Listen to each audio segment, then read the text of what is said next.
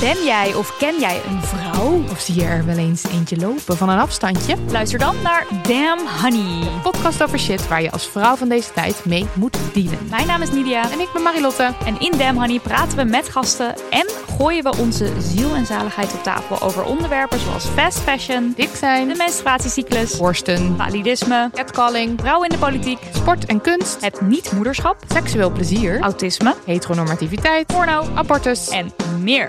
Elke zaterdag in je podcastfeed.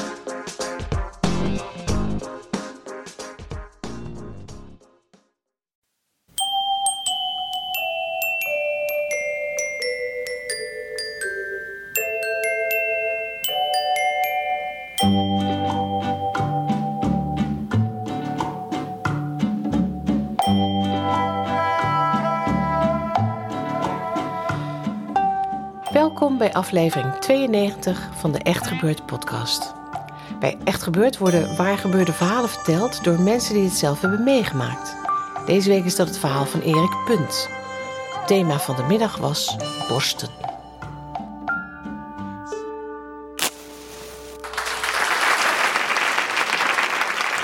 Ik had als, eh, als puber had ik een, een- eigenlijk kan je wel zeggen, een obsessie voor borsten. Ik, eh, ik was er de hele dag mee bezig. Eh, er was eigenlijk geen ander onderwerp in mijn hoofd dan borsten. En eh, ja, dat uitte zich natuurlijk op allerlei, in allerlei vormen. Pornoblaadjes kopen, kijken, eh, borsten vergelijken, noem maar op.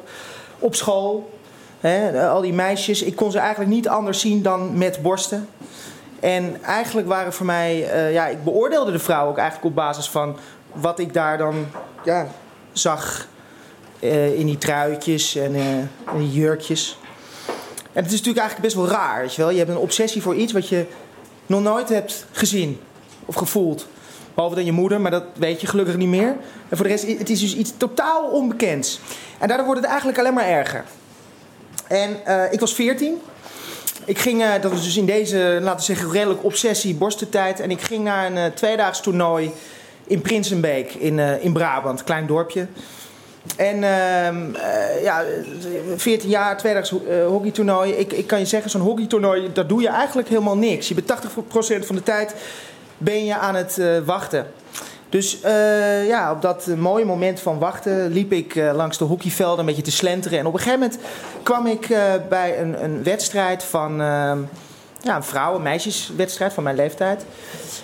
En mijn oog viel gelijk op een meisje op het middenveld, dat heen en weer aan het lopen was. En, en die, had, ja, die had gigantische borsten. En, en het was ook nog eens een ongelooflijk mooi meisje. En ik, ik, ik kon mijn ogen er niet van afhouden. En ik, ik zag er, ja, nou, ze was ook best wel fanatiek, weet je wel. Ze rende naar voren en naar achteren. En ze had mooie krullen, maar ze had vooral hele mooie grote borsten. En ik, en ik, zag, ik zag haar en toen besefte ik me eigenlijk van, ja, dit, dit, ik heb een doel tijdens dit toernooi. En dat is niet het toernooi winnen of vrienden maken of met mijn leuke tijd met eh, mijn hockeygenoten hebben. Nee, mijn doel was zo dicht mogelijk bij deze vrouw komen. En natuurlijk het liefst, zo dicht mogelijk bij, bij haar borsten. Maar ja, goed, dat was voor mij zoiets, eh, ja, ja, een soort utopie. Nou, s'avonds eh was er een, een feestje zo, in zo'n, clubhuis. En ik had me helemaal maar, gedoucht, omgekleed, haartjes gekamd. Ik had nog niet de groeispurt, dus ik was nog best wel klein. Dus ik moest me daar door die menigte eh, proppen. Op zoek naar het meisje met de grote borsten. En het duurde ongeveer een half uur. En toen op een gegeven moment zag ik haar daar zo, bam. Ik zag haar staan in de, in de hoek naast de bar. En ze zag er nog, nog veel mooier uit. Ik, ik vond haar zo... eh, Ja, natuurlijk, het ging vooral eigenlijk om die borsten. Die waren nog groter, want ze had een topje aan. En het was wit en een wit topje en prachtige krullen. En ik zag haar zo en ik zat er naar te kijken. En eh, ja, ik, ik kon mijn ogen daar niet van afhouden. En, en je bent toch een onzeker pubertje van 14, weet je wel. Je durft, daar niet, eh, je durft er gewoon niet op af te gaan. Je durft eigenlijk alleen maar te kijken. En op dat moment keek ze mij aan. En ik zag dat ze me met een, eigenlijk een hele avontuurlijke, lieve, vrolijke glimlach keek ze me aan. En dat is voor een pubertje van 14, tenminste voor mij dan, dat, was, dat had ik nog nooit meegemaakt. Dat een vrouw mij lachend leuk aankeek en mij wel misschien wel zag zitten of zo. Dat, dat kwam wel door mijn hoofd. Dus ik eh, deed iets wat ik ook nog nooit had gedaan. Ik liep op een meisje af en ik ging met haar praten. En de muziek stond hard, dus het was niet echt praten. Het was vooral schreeuwen. En we keken elkaar best wel avontuurlijk in de ogen. Juist omdat die muziek hard stond, kan je niet Ja, echt, echt hele diepzinnige gesprekken. Alsof ik daar ook daar zin in had. Maar in ieder geval, ik keek in haar ogen en zij in mijn ogen. En op een gegeven moment, ik voelde dat daar meer in zat. En denk zij ook. En we bleven elkaar aankijken. En op een gegeven moment pakte ik haar hand vast. En ik nam haar door de menigte, nam ik haar mee naar buiten. En ik voelde, en we stonden in de stromende regen. We stonden buiten. En we hadden elkaars handen vast. En op een gegeven moment ging dat vanzelf. We liepen vanzelf een bepaalde richting op. En de richting was langs het clubhuis, links bosjes. En we gingen steeds meer, gingen we zo... Ja, stonden we op een gegeven moment met z'n tweeën, hand in hand... achter het clubhuis, in, midden in de bosjes. En we gingen zoenen. En uh, we gingen heftig zoenen. En ik had dus mijn eerste doel bereikt. Ik was dicht bij haar. Ja, dichter. Nou ja, ik was dicht bij haar. En het tweede doel, haar borsten, ja, dat was natuurlijk toch wel het volgende plan en, en, en bedoeling voor mij. En ja, ik was natuurlijk wel heel bang, weet je wel. Van ja, wat, wat, wat, moet ik doen? Moet ik in één keer mijn hand erop leggen? Of, of, of gewoon niet doen? Of, of moet ik ja, heel voorzichtig daar naartoe gaan? Nou, ik koos voor het laatste. Ik vond dat, nou ja, dat uh, gelijk met mijn hand erop, dat, ja, dat durfde ik gewoon niet. En, en ja, uiteindelijk denk ik ook wel verstandig.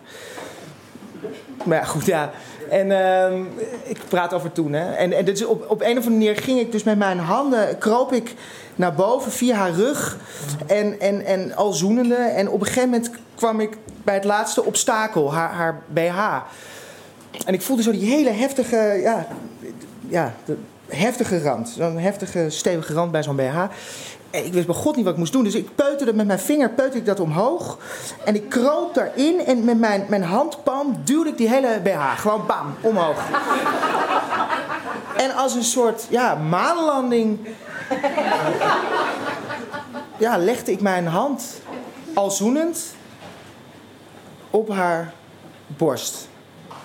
En die regen, weet je wel, dat geluid op die borstjes. Zo, en, en dat, dat, geluid van dat zoenen, weet je wel, dat, dat onhandige ademhalen. En op, ondertussen op, die prachtige borsten. En iets wat ik dus nog nooit eerder had gevoeld. En het was warm, het was stevig, het was alles. En zacht en, en alles wat fijn was. En het, ik stond daar met dat, dat, dat sfeertje van die regen. En ik heb daar een uur gewoon met mijn hand eigenlijk alleen maar op haar borst gestaan. En alleen maar gezoend. En dat was voor mij ook genoeg. Weet je. Het ging mij niet om, om haar kutje of neuken of iets. Ik, ik was eigenlijk ontmaagd. Zo voelde het. Wat ik al zei, een uur daar gestaan. En uh, op een gegeven moment was het feestje ook afgelopen. Ik denk, misschien hebben we wel langer gestaan. Ik weet niet, maar het was gewoon klaar. Ieders eigen weg. En uh, we hebben elkaar de dag daarna nog, nog heel even elkaar in de ogen aangekeken. En toen zag ik wederom dat leuke, guitige, avontuurlijke uh, gezichtje. En ik was eigenlijk daarna, na dat tweedaagse hockeytoernooi in Prinsenbeek, was ik eigenlijk al wel een stuk relaxter, weet je wel. Ik was niet zo obsessief met die titel bezig. Het was, wow, ik had het gewoon, ik had het meegemaakt. Ja, uh, de tijd uh, ging verder en uh, ik was gewoon allemaal wel relaxer. Twintig jaar later, ik sta bij de deuropening van een verjaardagsfeest, een kinderpartijtje van een kennis. En ik sta daar bij de deuropening en tussen de slingers en, en spelende kinderen en, en, en ouders zie ik aan tafel het meisje met de grote borsten. Ik herken haar gelijk. Het uiteraard, dit is nu twee jaar geleden. Het, had, het was natuurlijk geen meisje meer. Het was een volwassen vrouw. En ze, had een kind op schoot. En het was een moeder volgens mij. En ik, en ik, en ik keek. En ik werd blij. Ik werd echt blij. Zij was voor mij toch echt wel. Ja, toch wel een soort van start van mijn uh, erotische seksuele carrière. Dus ik keek naar haar en ik ja, ik, ik, was zo blij. En ik, ik, op, ja, een soort melancholie, ik weet niet wat het was. En ik, mijn, maar het was ook wel nieuwsgierig. Dus mijn, mijn ogen daalden naar beneden. En ik, uh, ja, ik was gewoon wel nieuwsgierig naar hoe, haar borsten eruit zagen. En ik zag dat ze nog steeds hele grote borsten had.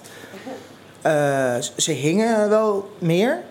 Uh, ik, ik zag dat ze hele stevige tepels had, weet je wel? Je, van die tepels die, die schuinen... Die, gaan door de BH en door het truitje. En dan, zelfs dan dat je nog best wel goed kan zien hoe het eruit ziet. Dus dat zag ik. En ze had een hele knalgele gele BH aan. En wederom trouwens wel een wit uh, topje. Dat vond ik wel weer grappig. Dus toen zat ik zo naar te kijken. En uh, op een gegeven moment voelde ik dat zij door had dat ik naar haar borsten keek. Dus ik, ik kroop omhoog met mijn uh, ogen. En ik keek, na twintig jaar, keek ik weer in de ogen van nou, wat ik al zei, het meisje wat toch wel mij een soort van zelfverzekerdheid heeft gegeven. Uh, ja, een ervaring rijker. En ik keek haar aan. En in plaats van die guitige, leuke, avontuurlijke, dat leuke kopie van 20 jaar daarvoor, keek ze me strak aan. Totaal geen emoties. En ze bleef me met dat kind op schoot gewoon zo aankijken. En ja, ik geneerde me. Ik, ik, ja, klungelig keek, keek er ook aan. En toen zag ik in die strakke blik, zag ik dat ze zelfs een beetje een soort van afkeurende... Ja, dit. Maar ik schaamde me dood, dus ik, ik, ik, eh, mijn hoofd ging naar beneden en ik, ik liep weg. En uh, het eerste, het beste biertje wat ik zag, pakte ik en ik ging naar het balkon. En het is zo bizar, weet je wel, dat je twintig jaar daarvoor ben je onzeker, ben je 14 jaar. En dan is diegene, geeft jou een soort van zekerheid. He, niet alleen door die blik van toen, maar ook daarna, dat ik met, met mijn hand zo bij de borst. En je voelt je eigenlijk zo zelfverzekerd dat na twintig jaar, dat je zelfverzekerd bij de deuropening staat. En dat je toch nog helemaal terug bij af kan zijn, even voor dat moment. Dat ik weer helemaal onzeker was eigenlijk op dat moment. En 14 jaar voelde. En ik liep dus, ik stond daar op dat balkon en ik besefte me, en ik besef dat eigenlijk nog steeds, dat ik, ik leef in een wereld die eigenlijk constant aan het veranderen is. Alles om mij heen, het verandert allemaal maar. Mensen veranderen, vriendschappen veranderen, situaties veranderen, borsten veranderen, mensen veranderen, alles verandert. Het gaat constant door. En vanaf je geboorte, ja, leef ik daarin. En ja, op bepaald ogenblik, ja, je, je verandert mee. En ik denk dat ik ook wel volwassen ben geworden op een bepaald gebied. Ja, maar ik besef eigenlijk ook wel dat er dingen in mij zijn die gewoon stil zijn blijven staan. En die niet mee zijn veranderd in die veranderlijke wereld. En die borsten van dit meisje, of de borsten van, van laten we zeggen, de, de kille, eh, wat oudere vrouw, deden me ook eigenlijk heel, heel erg beseffen op dat moment. Ja, er zit eigenlijk nog steeds een, een enorme puber in mij. En onder andere een puber die, uh, ja, nog steeds, ik kom er gewoon eerlijk voor uit, een, fascinatie heeft voor uh, mooie vrouwenborsten.